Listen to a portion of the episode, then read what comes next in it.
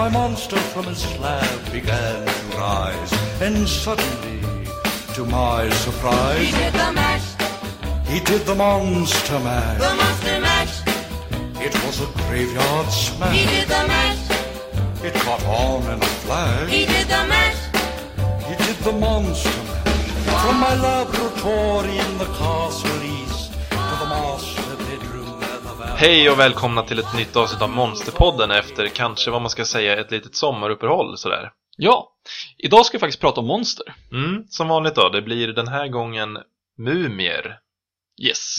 Men Anders, vad är då en mumie? Ja, alltså i grund och botten tänker man väl att det är en eh, tyginklädd, inlindad grej, en död grej som går runt som en zombie ungefär. Alltså man ska tänka då som monster. Ja, som man tänker eh, gamla sätt monsterfilmer. Mm. Ja, en torr grej med, med, bandage. Ja, alltså mumie som definition betyder ju att det är en, en, eh, ja, men en död kropp då.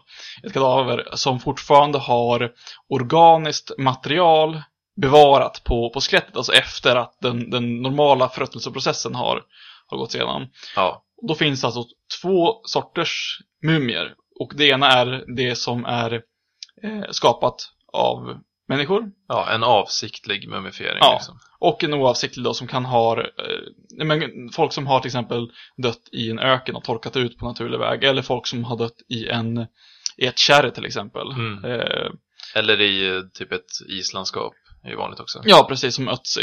Eh, Ja. Klassificeras som en, en naturlig eh, mumie Ja. på så sätt. Eh, ordet mumie kommer från arabiskan och eh, alltså ordet mumia, jag vet inte hur man uttalar det. Men det betyder bitumen. Vet du vad det är? Nej, det vet jag inte riktigt. det är då ett eh, bindemedel, då, bindemedel som är bestående av typ kolväten. Och eh, mig. liksom det ansågs förut då att det skulle, att det här användes i balsameringen då. Ja. Och det är typ därför de i så fall, ja, kallar det för mumia, mumier. Men Okej. eh, det, tydligen så används inte det där då. Nej. Men eh, det var något annat, typ mm, koda tror jag det betydde, eller typ något liknande. Var det någon teori också att det kunde vara ett annat ord. Men, det liksom och det saker man- används i balsameringen. Det, det, det är så Ja. saker som man hittade under balsamering. Är det liksom, är det de, de egyptiska mumierna man, man har liksom Ja, utgått från då? Okej. Mm. Vi- Hur, hur länge har man avsiktligt mumifierat människor? Länge. Jag har dålig koll på det där, men alltså jag tror att, i alla fall att det är runt, alltså över 3000 år vet jag att det var, att de, de har den, den, det är den äldsta mumien som finns på museum. Ja. Alltså en eh, avsiktlig mumifiering då. Ja. Eh, annars vet jag inte, men det lär väl vara ett tag. Jo. Jag vet faktiskt inte riktigt hur gammal Ötzi är. För han vet ett antal tusen år också. Och jag tror att de äldsta pyramiderna är cirka 6000 år före Kristus. Mm. Alltså riktigt snorgamla. Ja. Eh, och de, de sägs väl ha innan, jag vet hur bra koll man har på det där ifall man hittat mumier i alla eh, pyramider eller, men det, det Mm. sägs att det ska finnas gravkammare i, i varje. Ja. Alltså jag tror väl inte att, alltså de har väl inte hittat så mycket mumier. Det är inte så här som det är i populärkulturen, att det går att hitta en mumie i varje pyramid, liksom väldigt enkelt så, utan det är väl inte jättemånga som har hittats tror jag. Ja, alltså typ så här, det har väl inte hittats jättemånga riktiga kungagravar, alltså de här Nej. som man, man förväntar sig som ligger i sarkofag. Däremot så fanns det ju både från innan och efter liksom pyramidernas uppkomst mindre gravar med enklare former av Mm. mumifiering. Alltså kanske, kanske välbärgade människor som också ville ha liksom en kunglig begravning men som inte begravdes i ett, alltså som begravdes i ett gravvalv istället. Vanligt, eller underjordiskt gravvalv. Och därigenom mumifierades kanske med enklare medel. Ja. Eh, så att det finns materia liksom bevarat på dem, men kanske inte i samma skick Nej. som många mumier som vi hittat, där vi till exempel kan, fortfarande kan utskilja tydliga ansiktsdrag liksom, och hårfärg och liknande. Mm. Syftet med mumifiering eh, i det forntida Egypten Det var ju då att man skulle bevara kroppen så att man skulle må bra och se bra ut när man kommer till dödsbriket. Att man inte är trasig och äcklig liksom. Och eh, den första mumien i historien av de grekiska, eller vad säger jag inte grekiska, utan de egyptiska gudarna så Ja. det var den här dödsguden Osiris själv då. Okej. Som ansågs vara den första mumien. Och man gjorde ju så att man tog ut fyra stycken organ, lite valfritt sådär. Eh, la dem i kopparkärl och på locken så hade man eh, olika gudar då på varje lock. Som då skulle representera att de eh, vakar över de här eh, organen. Mm. Och eh, tydligen så tog man, man tog ut hjärnan då med någon sån här krok Det- vet du som man körde Ja, ut i precis. nä- Där hörde näsan. man man slår, slår hål i liksom, skallbenet Jo. på insidan av näsan och sen vevar man ut Men hjärnan ansåg de ju inte vara viktig att ha med sig till eh, dödsriket. Nej. Så den slängde de väl bort så. Utan de, de, det var väldigt viktigt att man ha, hade hjärtat kvar i kroppen. Ja. För eh, enligt liksom den typ tidens läkemedel och så, vi- eller läkekonst så trodde Mm. man att hjärtat hade den, den eh, uppgiften som hjärnan har. Alltså att det var den som typ styrde kroppen mer så. Ja. Så den var ju väldigt viktig att den skulle vara kvar. Ja. Och sen balsamerade man med olja, olika olja och andra ämnen och satte band, ja, de här bindorna runt då. Ja. Och sen i en sarkofag. Ja. Okej. Fun fact. Man har ju också hittat eh, mumifierade katter ifrån Egypten. Ja, och eh, vad heter det, hökar. Hökar också. Mm. Okej. Och det var ju även då vad man tror då för att för att man skulle få med sig då sällskapsdjur till dödsriket. Lite därför då. Det var därför man hade med sig djuren i, i graven. Okej.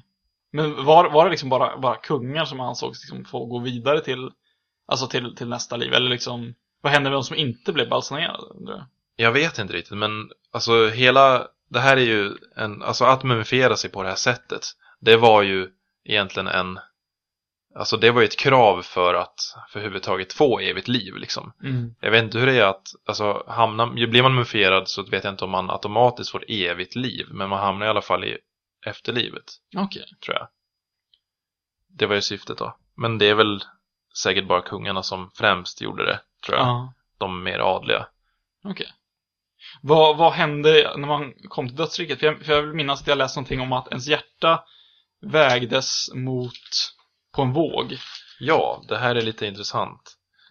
Eh, du vet guden Anubis, den här eh, med en, ett kakalhuvud. Ja, det sig Väldigt ifrån, ifrån uh, Mumien 2. eh, Ja, precis. Eh, jag tycker det är en väldigt häftig gud så. Den, går, den är väldigt snygg och det finns väldigt mycket snygga avmålningar av den. Alltså Ja. nutida konst som jag, som jag tycker är häftig med Anubis. Men han gjorde så att han tog de döda till den här dödsguden Osiris domstol i underjorden då. Och placerade deras hjärtan i en vågskål, den ena vågskålen då. Mm. Och i den andra eh, vågskålen så la de ett, en fjäder från rättvisans gudinna som heter Maat, tror jag man uttalar det. Okej. Och vägde då hjärtat mer än fjädern så blev hjärtat slukat av en krokodilhövdad varelse som heter Amat. Just det. Man får alltså inte komma in till dödsriket. Nej. Och vägde då hjärtat ungefär som en fjäder eller mindre så var man väl ren typ. Alltså då är man en bra människa och man fick träda in i efterlivet. Och det, detta, alltså gällde det här kungarna eller? Det låter ju liksom som att, Det känns ju som att det inte är alla utan, och sen som sagt tror jag inte att alla blev mumifierade i Egypten. Utan Mm. det var väl mer en adlig grej Ja. tror jag. jag vet inte liksom när, när det avtog, för att, för att liksom egyptiska riket sträckte väl sig ganska långt in. Alltså de, de var väl, slutet på egyptiska liksom kungariket, eller om man, om man säger det gam- gamla Egypten, sträckte väl sig och var samtida som romarriket. Om man Jo, vill. precis. Det De finns väl någon, ju- någon myt om att, ja. att Kleopatra skulle vara, vara älskarinna till någon, någon, eh, någon Caesar, har jag haft för mig. Jo, alltså de hade ju väldigt många olika epoker tror jag. Ja. Alltså till och med så att gudarna fick olika betydelser och vikt i olika delar av deras Ja. eh, tid liksom. Jag för mig att de riktiga stora pyramiderna kommer från andra dynastin. Mm. Att det liksom, de, första dynastin var liksom, ja men in, innan de här riktiga liksom, så här stora templen och sånt byggdes. Och sen, eh, om man tänker Sfinxen och alla de här stora, var liksom under deras rik- rikaste period som jag tror var andra dynastin. Mm, precis. Sen finns det ju också Toth, den här fågelhövdade guden. som Ja, också den, är kopplad till den här... den som ser ut som en storspov lite grann. Vad sa du? en storspov. Ja, typ. Men eh, den är ju kopplad till den här ritualen då som Anubis höll på med. Ja. Och var eh, då protokollförare under den här vågskålgrejen. Alltså han stod och skrev, för han var ju skriften och eh, månens gud. Okej. Och ansågs då vara den som kom på skrift och även det här 365 dagars kalendern som vi har. Jaha, kommer det... Han, eh, han eh, uppfann den idén enligt då den Okej. egyptiska religionen. I see. Jajamän. Men som, zombies höll jag på att säga, men mumier, de Ja. är ju lite som zombies på ett sätt. Jo. Alltså i populärkulturen, de här monster som, äh, mumierna, jag håller på att säga zombies varje gång. Ja. vad, alltså, Alltså det, vad kan man göra med dem i populärkultur? Jag vet inte. Alltså typ, ursprungligen så var det bara ett enkelt sätt att göra, alltså att hitta en ny slags, alltså en ny slags zombie. Mm. De, de beter sig i stort sett exakt likadant, bara det att de, men, men har, har någon slags magisk aura av det här gamla Jo, fornegyptiska runt sig. Eh, och de inlindade bandage, vilket gör det ganska lätt att eh, ja, men, tillverka liksom för en filminspelning. jo, typ så här klassiska grej när man är liten och vill vara en mumie och Ja. linda toapapper runt sig liksom. Och de kom väl, alltså typ, jag tänker de första filmerna kom väl i, eh, i samband med att men det kom, eh, Jo. Frankenstein-filmerna blev en hit. Jo, Universal gjorde ju en själv då som hette The Mummy. Ja. Och det är ungefär samma story som i den från 1999. Alltså den från 1999 är typ en remake. Ja, Alltså att de hittar en Det- mumie det- som det- är en kung. det är och, den med eh, Brendan Fraser. Jo, precis. Ja. En mumie som är kung som kommer tillbaka. Ja. Och eh, sen dess har vi fått sett eh, otaliga misslyckade halloween-utstyrslar där man har använt toalettpapper. Precis. och det är, är, är, kan, och kan eh, säga enahanda Scooby-Doo-monster som Ja. springer runt liksom i korridorer. Man, gillar när, man, när, man, när, de- när de tar tag i den så springer de iväg med bandage och så snurrar de runt där och så är det Mm. liksom naken mumie kvar. Det Precis. är classic. Som sagt, det, det fungerar inte speciellt bra att linda in sig i toapapper för att bli en mumie. Nej, är- men grejen med mumier blir ju, alltså till skillnad från zombies, det går ju att leka väldigt mycket med zombies och sätta det upp i rymden, göra nazist-zombies, man kan göra vad, lite vad som helst så. Mm. Men mumier blir ju, den här klassiska mumien, då blir ju rätt så kopplad till egyptiska mytologin. Jo. Det går ju liksom inte att röra det, att så här, flytta det så långt bort på samma sätt. Gör man till exempel en, för alltså det fanns ju mumie-liknande ritualer i andra länder, alltså långt eh, överallt, så här, i Mm. Europa, i Afrika, överallt. Mm. Men det är inte lika stort så. Skulle man göra en film som utspelar sig i Afrika med mumier på ett annat sätt så skulle inte det bli likadant. Alltså det skulle inte slå lika mycket. Nej. Det skulle ju bli typ zombies. Jag tror man hellre då hoppar på zombies istället. Jo. Om man skulle göra en sån film. Ja, Nej, men alltså det, det, har ju blivit synonymt med, med den gamla egyptiska kungen. Man liksom. tänker liksom en, eh, antingen öken eller en så mörk, en mörk stengrotta. Ja. Alltså en pyramid Ja, typ. typ. Det är det Ja, man alltså det, det, är som, det är som jag sa, att, att mumier är i stort sett 50% gamla, gammal fornegyptisk aura. I stort. Jo, att de har, har de här, de ville komma till efterlivet och sen råkar de komma tillbaka nu. De får evigt liv på det sättet att de vaknar nu istället Ja, och blir antingen då en så här zombieliknande grej eller får faktiskt tillbaka sitt liv Ja. och har även magiska krafter. ja. Hur var det i, i så här, de här, det var, mumien i de gamla filmerna hette Imhotep, har jag fel? Jo, precis. Det är ju även i 1999-filmen då. Det är, ja. Som, men, men, men som sagt, nu, nu minns jag inte så mycket av, av, av de här gamla, är det, på, är det 50-talet de kommer ifrån? eller? 30-talet, tror jag. 30, är det så gammalt? Ja, sen finns det väl ett otal uppföljare, precis Ja. som med Frankenstein och alla de andra Universal-klassikerna. Ja. Men Imhotep var, var han en, en präst i, eh, som jag minns det, i eh, 1999? Då Filmen. var han nog en präst, ja. Ja, som var, be- bedrog kungen med, han var, han var älskare till, till drottningen eller något sånt. Ja, precis. Just det. liknande och, och vart tvångsbalsamerad, vilket Mm. känns lite så här. Du ska hamna i, i efterjorden, eller efterlivet.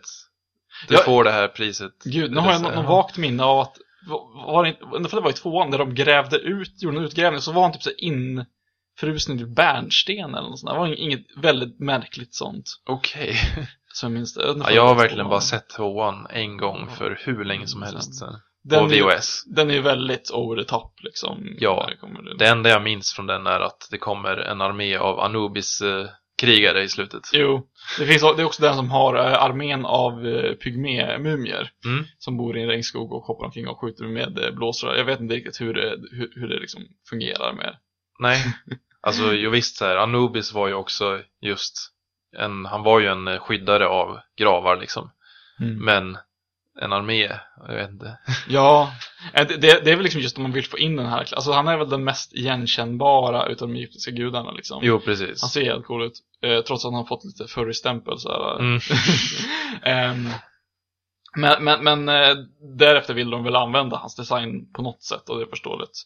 Eh, det är väl också i, som man vet, i andra filmer som kom då, eh, då The Rock spelar typ The Scorpion King. Precis. Som också varit en oerhört dålig standalone Ja, film den på det. filmen minns jag nästan mer av än tvåan faktiskt. Ja. och den var ju också usel. Det, det här har de väl liksom i stort sett alltså, lagt undan all gammal egyptisk liksom, men mytologi och bytt ut emot, alltså det är typ ren fantasy i stort sett. Jo, precis.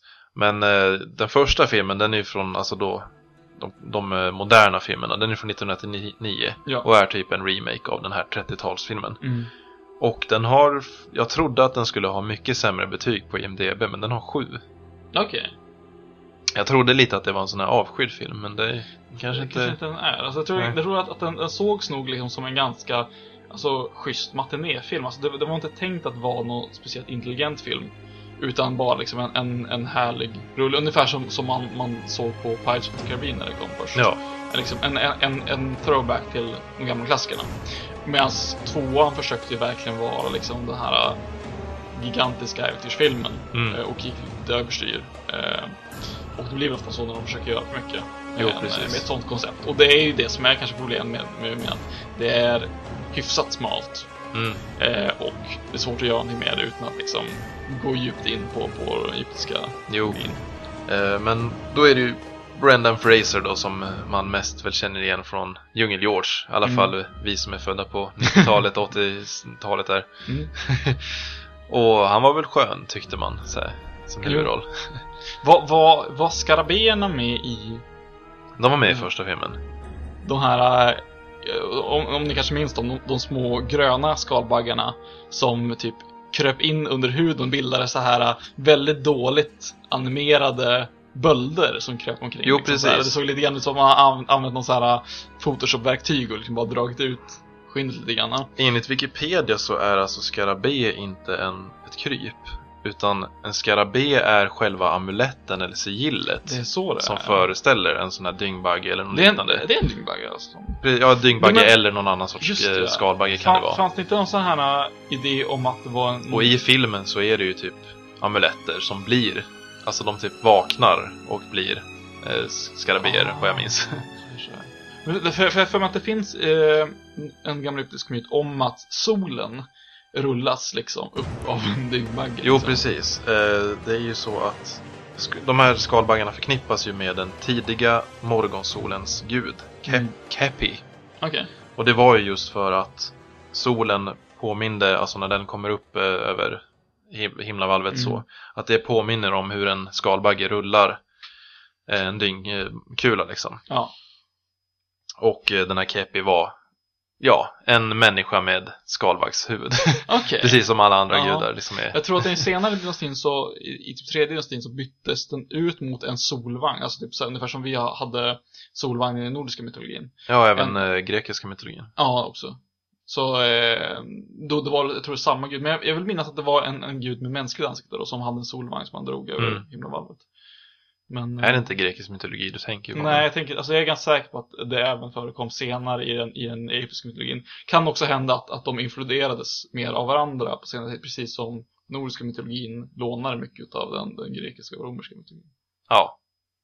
Men eh, skarabéerna är ju, alltså i filmen minns man att de var jävligt äckliga, så här, kryp som klättrade in och åt upp folk. Så. Ja, jag, jag, jag fick ju för mig att det var, alltså det fanns sådana Mm. kryp när jag var liten, men det först Du trodde att du skulle hitta en sån i sandlådan liksom?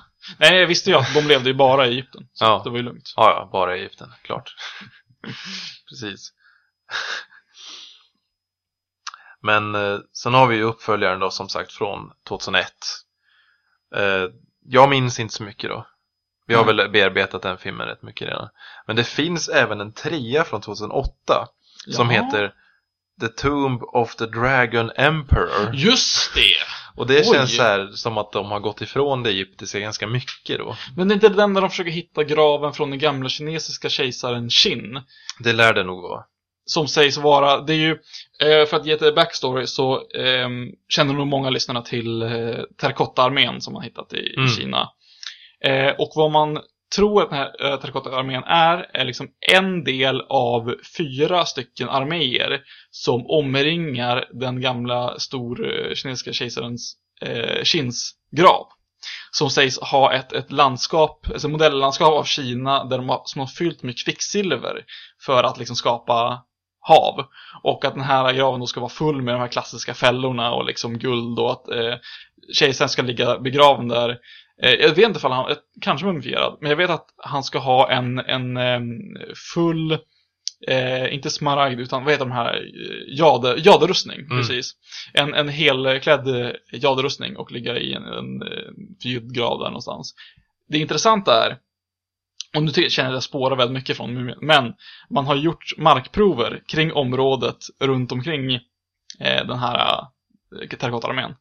Och hittat att under en speciell, speciellt område så är halterna av kvicksilver betydligt mycket högre. Problemet är att ingen vill liksom så här lägga ut pengar för att gräva ut den här graven och kineserna är väldigt måna om att man inte ska störa sina förfäders andar. Okej. Och därefter så har man inte liksom faktiskt försök, gjort nya försök att, att gräva upp den här graven. Men jag tror att det är det som Mumien 3 då faktiskt handlar om. Den här Det låter ju lite spännande men det känns inte som att det är en så bra film. Förmodligen en ganska dålig film. Ja. Jag vet inte hur bra det gick för, för, för uh, tvåan liksom. Det känns som att den drog Alltså ettan var ju en blockbuster som eh, det gick väldigt bra för. Mm. Så ville de göra en tvåa ganska tidigt då. Den gick väl lite halvdant säkert, Ja, tror jag. förmodligen. Men trean kom ju så sent efter och det känns inte som att den togs emot så bra. Ja. Monster! Monster! Monstret! Monstret! Det är monstret! Monsterna! Monster! Monster! Monster! Monster! Ja, vi kanske ska prata lite om den, eh, den mumie som eh, startade hela eh, hysterin kring mumier då. Nämligen den kanske den mest kända av alla gamla faraoner, Tutankhamon. Mm. Den klassiska, eh, ja, Tutankhamons förbannelse har man de flesta hört talas om. Ja. Och Tutankhamon var alltså en, eh, en konung i Egypten under den 18 dynastin. Alltså ungefär eh, 1300 år före Kristus. Eh, och dynastin alltså känd som Nya riket. Mm. Graven hittades av Howard Carter år 1922. Och det här blev liksom en väldigt stor grej, för det här var alltså en, en intakt, oplundrad grav. Man kunde alltså kika in i någon springa och lysa liksom med en, med en lampa och se att där inne så, så glimmar det av guld och juveler. Och jag tror till och med att man, man drog ihop ett stort antal reportrar liksom för att vara där direkt när man öppnade graven. Fatta vilken grej det måste varit att vara med. Ja, helt otroligt. Eh, graven var alltså inte i, eh, i någon eh, pyramid. Utan graven hittades i det som kallas för Konungarnas dal eh, i Egypten som ligger väl ett, ett, en, ja, en bit ifrån om, alltså Giza då med pyramiderna. Eh, och man öppnade alltså upp den här graven, hittade eh, Tutankhamon. Eh, väldigt, väldigt välbevarad mumie. Hans, hans gravmask, alltså den här förgyllda masken, har väl blivit en av de mest kända bilderna av eh, en farao finns idag. Eh, förmodligen ganska olik hans faktiska ansikte. Man har väl återskapat hans, hur han skulle ha sett ut levande och kom fram till att eh, han eh, var ganska missbildad av inavel. I och med att man ofta gifte sig med sina, sina systrar i egyptiska Ja. kungarna. Då.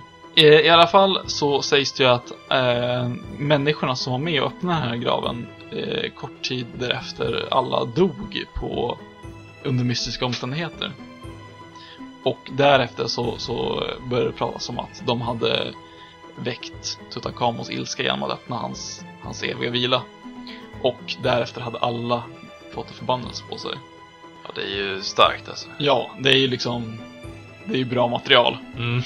Ehm, jag, jag tror det var det som inspirerade den här äh, idén om att en mumie som skulle resa igen, att på något sätt så hade, hade Tutankhamon återkommit från sin grav och hämnats på de som hade plundrat inom citationstecken hans, Jo, hans grav. Han ska ju ha blivit mördad också, Tutankhamon. Just det.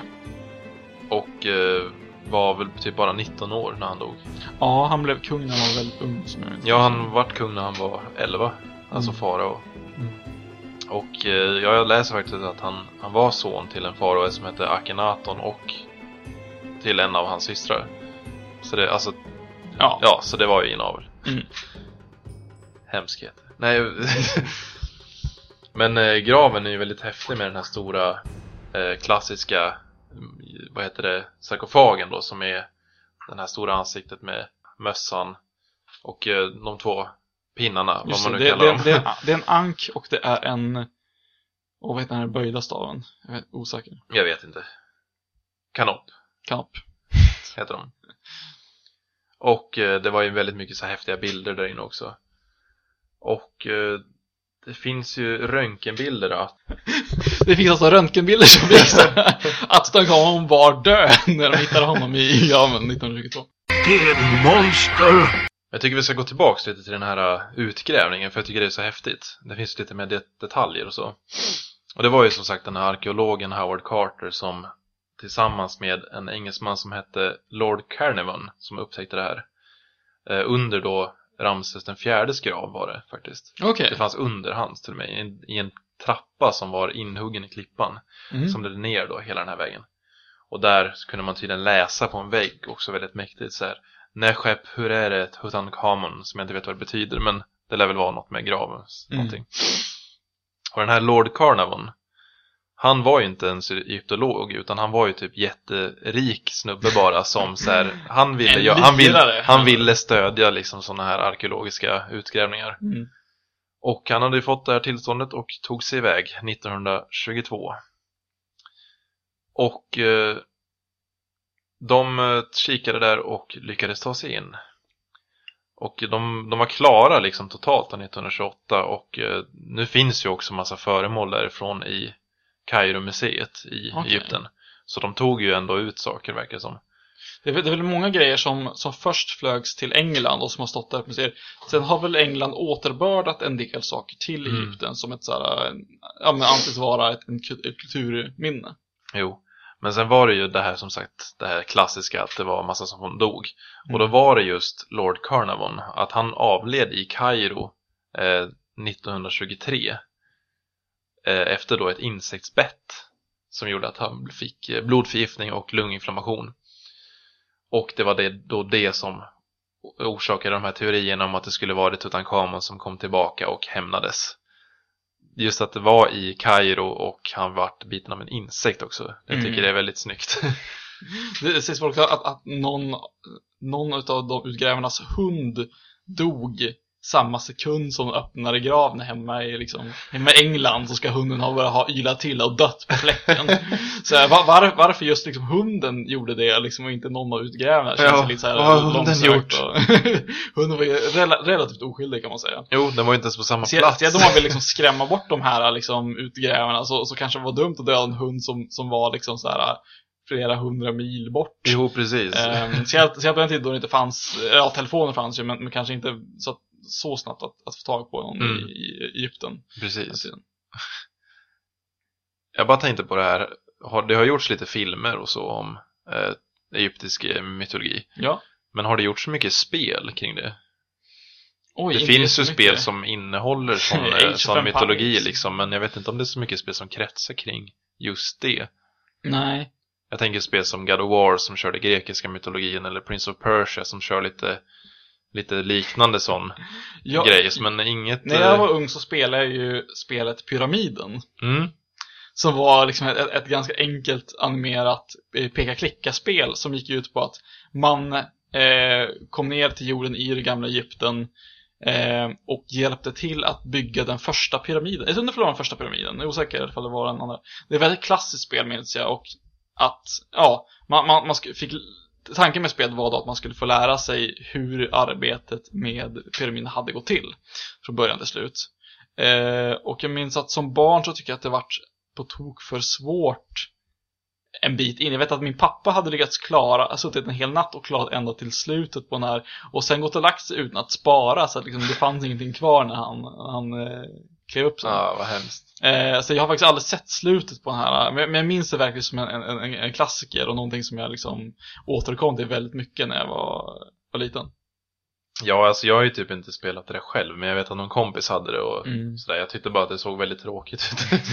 Ja, men det var, Egentligen. var lite spännande, men så, jag tror att det, det fokuserar väl mer på, på själva pyramidbygget än på liksom att, jag, jag vet inte, man kanske fick balsamera den här kungen från, i slutet så här, jag är inte helt säker. det var väl mycket Mm. historia och så, Ja, visst. tänker jag mig. Men annars så vet jag inte. Yu-Gi-Oh! Eh, baseras väl kring någon sån här hittepå-myt om att så här, det, det ska vara någon gammal egyptisk spelgud som besitter liksom den här Jo, typ Ungen att Anubis är med mycket och att eh, huvudpersonen är typ en ancestor av någon gammal eh, egyptisk eh, hjälte. Jo. Men det, det är ju typ 100% fiktion liksom. Ja, Det är ja. ingenting som är taget från, från Men det är ändå egyptisk mytologi Ja, i populärkultur.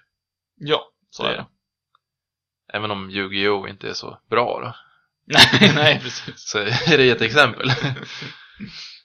Men om man ska dra lite så här populärkulturellt eh, kul exempel som skulle kunna eh, ha hänt eller som man skulle kunna använda på ett kul sätt i Mm. populärkultur så var det tydligen så att Vladimir Lenin och några forskare som var runt honom de forskade mycket kring liksom eh, ja men hur man ska göra med döda kroppar och evigt liv och så vidare.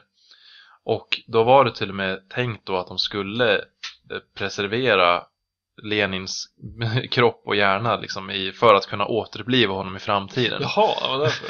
Men eh, typ av olika anledningar så blev det inte av helt enkelt. Men de ville ju verkligen göra det. Ja. Och då skulle man kunna göra någon här skräckfilm där Lenin Lenin, eh, är en mumie som återkommer. Han, han är väl liksom en- som en turistattraktion numera, tror jag. ja, Han, han, det, är, det finns väl liksom Lenin-museet där hans kropp sitter liksom uppställd. Och sägs väl att, att det är en gång per år så sänker de ner kroppen i någon slags vätska. jo Som- alltså som- hans kropp vart ju inte mumifierad helt och hållet. Inte? Men den vart eh, inoljad, alltså på sådana sätt så att den kunde behållas. Och Okej, den finns i The Lenin Mausoleum i Moskva. okej. Men eh, ja, det vart ju inte riktigt så som de hade tänkt sig då. Alltså tanken var liksom att kroppen skulle på något sätt bevaras i sin ursprungsform. jo, Okej. och de ville återuppliva honom. Ja. Du... Så att han kunde ta över världen sen. Så att. Ryssland kunde komma tillbaka som en stormakt. Ja. det hade ju säkert blivit bra. Jag Mm. tror att hade han kommit till liv nu och då hade Putin typ sparkat honom i huvudet och tagit makten ändå. Jo, men tänk dig liksom att han, han har blivit mumifierad på ett egyptiskt vis. och så har han varit i dödsriket i liksom Egypten och, eh, Kommer tillbaka som en och gud. liksom kommer tillbaka som en gud med egyptiska influenser. Så det blir lite så här en clash mellan rysk eh, kultur och e- egyptisk mytologi liksom. Oh crazy, det skulle I en världens bästa film. zombie-gud, eh, Lenin. Så, så att liksom den nya dynastin av det egyptiska riket blir Ryssland. Jo, liksom. precis. Ryssland kommer tillbaka, men det har ändå lite så här egyptiska influenser av sig. Gud, det här, det här får så flashbacks till Stargate på något sätt. Ja. Det är så här science fiction. Det är väl, det är väl också en film som har väldigt starka influenser av just Ja, TV-serien. Ja. Jag tänker på, på, på gamla filmen. Okej. För där är det väl också typ så här soldater, det kommer till, till någon, någon annan dimension som är man har typ pyramider och sånt, fast det är, de har också rymdskepp och soldater som har typ Anubis-hjälmar så här, Mm. men det är någon slags så här, superrustningar. Det är lite ballt. Det är lite ballt, men jag minns inte, det har väl aldrig sett som en speciellt bra film, men jag minns att jag tyckte det Nej. var oerhört ballt när jag var... Jag vet bara att eh, en kompis till oss gillar tv-serien väldigt mycket, men annars vet jag inte. Jag Nej, minns bara att det- den var väldigt sunkig när den dök upp på kanal 6. Jo, back in nej, det days. är ganska sunkigt. Men för att ta det lite till så moderna dagar så finns det ju nästan någon liknande typ av mumifiering som eh, då, nu. Alltså sådana som väljer att frysa ner sig i hopp om att tekniken ska gå att återuppliva dem i framtiden sen. Ja, Det är lite liknande på ett sätt. jo. Att man reserverar sin kropp så att man kan komma tillbaka till en annan tid liksom. Men, men, men tänk liksom, ponera att man skulle göra en, en, en serie som utspelar sig i framtiden, där jag faktiskt lyckats väcka upp de här människorna. Och då har alla varit i det egyptiska dödsriket och träffat Lenin. Det är också en fantastisk idé faktiskt.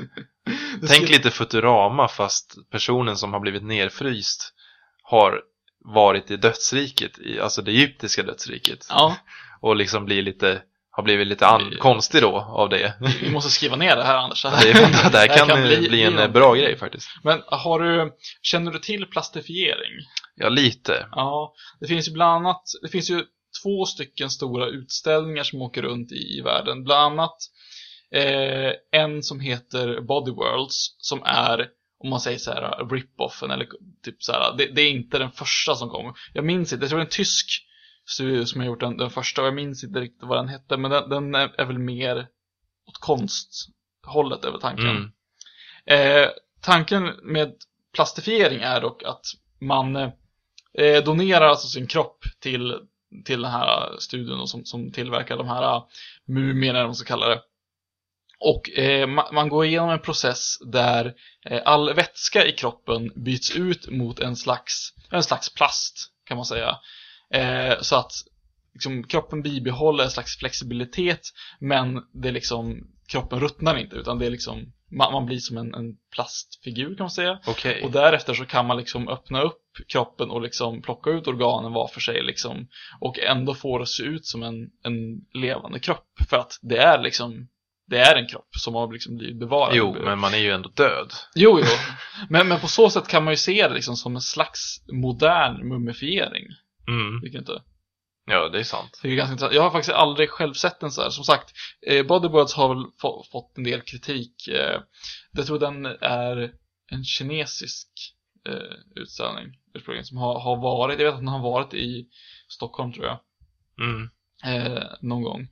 Men eh, som sagt, jag skulle, li- lite obehagligt är det ju, men också väldigt, väldigt fascinerande. Det är det.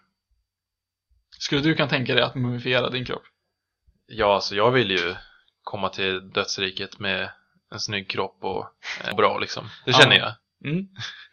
Det, det finns ju, i alla fall i, Tyskland som man också håller på att bygga en, en pyramid, eller typ såhär, tanken är att man ska bygga en pyramid. För att på grund av, av brist på begravningsplatser, och som sagt, lyssnarna får rätta mig här om det är någon annanstans i Tyskland, men jag får mig att det är Tyskland som det händer. Eh, att på grund av bristen på, på begravningsplatser så kan man alltså köpa in sig i den här dödspyramiden. Och då får man liksom en, en, en grav som är en, man tänker sig en, en be, stor betongstod, en liggande liksom betongklump eh, med, med skarpa kanter. Och det här, de här liksom betongkistorna bygger man alltså en pyramid inifrån. Tänk att man, man lägger yttre laget och sen börjar man stapla dem på varandra. Och ju fler och fler som, som hamnar på den här pyramiden, ju större blir den. Mm. Och tanken är väl att den ska bli liksom så här eh, en halv kilometer bred eller något sånt här. Ja, det är inte egentligen rätt smart att Jo. tänka att bygga gravar på höjden liksom. Ja. Istället för att... Och det blir som ett gigantiskt monument. Jag, und- jag, jag vet inte riktigt hur det här det går med det här projektet. Jag har väl hört att det faktiskt liksom, det finns betongstoder till det här. Eh, och jag vet inte riktigt hur de har tänkt det att, det känns ju som att, att de skulle braka ihop av sin egen tyngd när det liksom börjar hamna några hundra liksom ton betong på, Ja, det är sant. un- understa liksom så här. Så jag, jag vet inte riktigt, jag har faktiskt ingen koll på hur de här äh, är konstruerade, ifall de bara har gjutit in kroppen i liksom betong eller ifall det är liksom som faktiska kistor. Men, men väldigt fascinerande projekt i vilket fall som helst. Jo, det är Och det. intressant eh, liksom nod till de gamla egyptiska pyramiderna. Mm. Det är det. Kommer vi se en film då den då den tyska dödspyramiden plötsligt vaknar till liv? Det är ju faktiskt en bra Och idé till en skräckfilm. alla har varit i dödsriket och träffat Lenin. det är ju faktiskt en bra idé till en film. Minus Lenin, tänker jag. Men tror du att Mumier kan få en ny filmboom i populärkulturen för överhuvudtaget så? Alltså jag, jag tror att, att Mumien i sig har väl aldrig riktigt varit det intressanta, utan det intressanta har just varit idén om det liksom det, det magiska Egypten på något sätt. Det är liksom den här gamla, gamla tron på, på de eh, djurhövdare gudarna. Och jag tror att, att får man tillbaka någon slags, eh, alltså kommer det på modet igen, så kommer vi nog se en till Mumien. Eh, kanske en gritty reboot liksom. Men eh, Med Brendan Fraser. med Brendan Fraser som är mycket äldre, han spelar samma karaktär igen. Ja, det vill jag nästan ha Mm. alltså. Men, men absolut, jag skulle, jag skulle nog se liksom en, en om man, man gjorde lite, lite skräckfilms-aura, kanske typ hitta någon, någon bra, någon bra skådis i huvudrollen. Men typ, Leo, till exempel, DiCaprio. Och Ja, han kör liksom så här, är, är, är en utgrävning. Han, han, kan, han kan till och med vara den här Carter ifrån, eh, ifrån eh, Tutankhamons utgrävning. Och så gör man en film kring det och kanske gör liksom mer som en, en, en liksom, ja, men spökskräckfilm. Alltså, jo men typ Man att så här, det som hände inne i graven, det vet man, det har liksom inte folk sett. Utan det Mm. var verkligen en jävla slakt där inne. Ja, precis.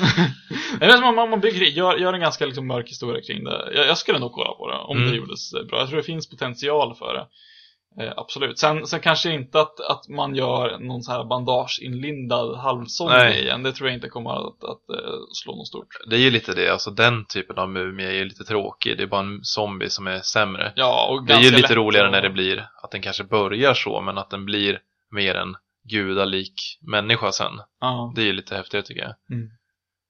Eh, har inte typ Tomb Raider varit och sprungit runt i några gravar, alltså egyptiska gravar någon gång? I spelen? Oj, gud, jag har nog, det har de säkert, men jag har nog inte spelat de spel som är specifikt Egypten. Jag har typ spelat tre spel tror jag. Oj. Eh, det, det är eh, Legend, Tomb Raider Legends, Tomb Raider Anniversary och det senaste som kom Mm. ut till, till Xbox 360 och PS3. Hon eller Nathan Drake i Uncharted borde ju ta sig en resa till Egypten tycker Man jag. tycker det? Det faktiskt. borde ju faktiskt eh, funka. Hon har ju armar och ben och pratar normalt. Det gör väl inte monster inte? Vi får väl se när vi slår ner henne. Ja, alltså jag tycker väl att vi har betat av mumier ganska mycket. Ja, De är ju inte så jätteroliga monster. De är ju klassiska monster så. Men som sagt så är de lite av en töntigare zombie. Med Ja. inlindade toapapper. Problemet är ju också att mumier kommer ju ofta ensamma. De Mm. kommer inte i horder som zombies Nej, gör. precis. Så att ska man göra en mumie måste man göra den här alltså gudaliknande valsen som återuppstått eh, från dödsriket. Det går ju liksom inte att göra en po- postapokalyptisk grej utan det är mer att någon besöker en grav och då, varför är de där? Jo, de är där Mm. för att undersöka och så råkar det vara som mumier där då. Ja, och jag, jag tror ofta att, eh, alltså nu så tror jag att det är populärare att göra mer jordnära liksom monsterfilmer, alltså att de ska kännas på något sätt trovärdiga i sin egen värld, om man säger så, på, Mm. sin egen- på sina egna villkor. Och där har man ju skalat bort mycket av de här, eh, men så här fantasi och magi liksom elementen. Jo, Eh, bland annat så zombies har blivit mer så här vetenskapliga, det är ett virus till exempel. Liksom. Mm. Det, det får man ju inte riktigt in i Mumien på samma sätt. nej. Så att jag tror det kommer kanske dröja innan vi får se en till Mumie. Ja, det känns som att det nästan aldrig kommer bli poppis igen. Nej. Så mumier får väl två toarullar av fem av mig. Ja. Som sagt, jag, jag är ju jag är ju lite fan av gam, gammal egyptisk mytologi. Eh, på sätt och vis. Så att jag skulle nog ändå ge Mumier tre gamla egyptiska toarullar av fem möjliga. Det är ändå rätt okej. Men eh, det är kul att vara tillbaks tycker jag. Ja, absolut. Så ni lyssnare får ju väldigt gärna höra av er som vissa av er har gjort. På till exempel mail på monsterpodden.gmail.com Eller på vår Facebook-sida och jättegärna liksom komma med idéer till vad vi ska prata om. Nu har vi ändå gjort 17 avsnitt och det, vi har ju betat av de allra bästa grejerna kanske. Ja. Så vi tar jättegärna emot idéer vad vi kan prata om i framtiden. Absolut. Så mejla oss på Monsterpodden.gmail.com Ja. Så hörs vi nästa gång. Då ska vi prata om monster. Ja, Missa inte det. vad, vad sa du? Nej, m- Missa inte det. Missa inte nästa avsnitt. Vi ska prata Nej, om gör inte monster. det. Hej då. Hej då.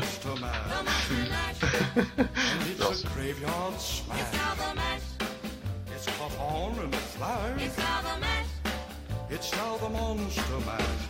Now everything's cool. Drax a part of the band, and my monster mash the hit of the land. For you, the living, this mash was meant to. When you get to my door,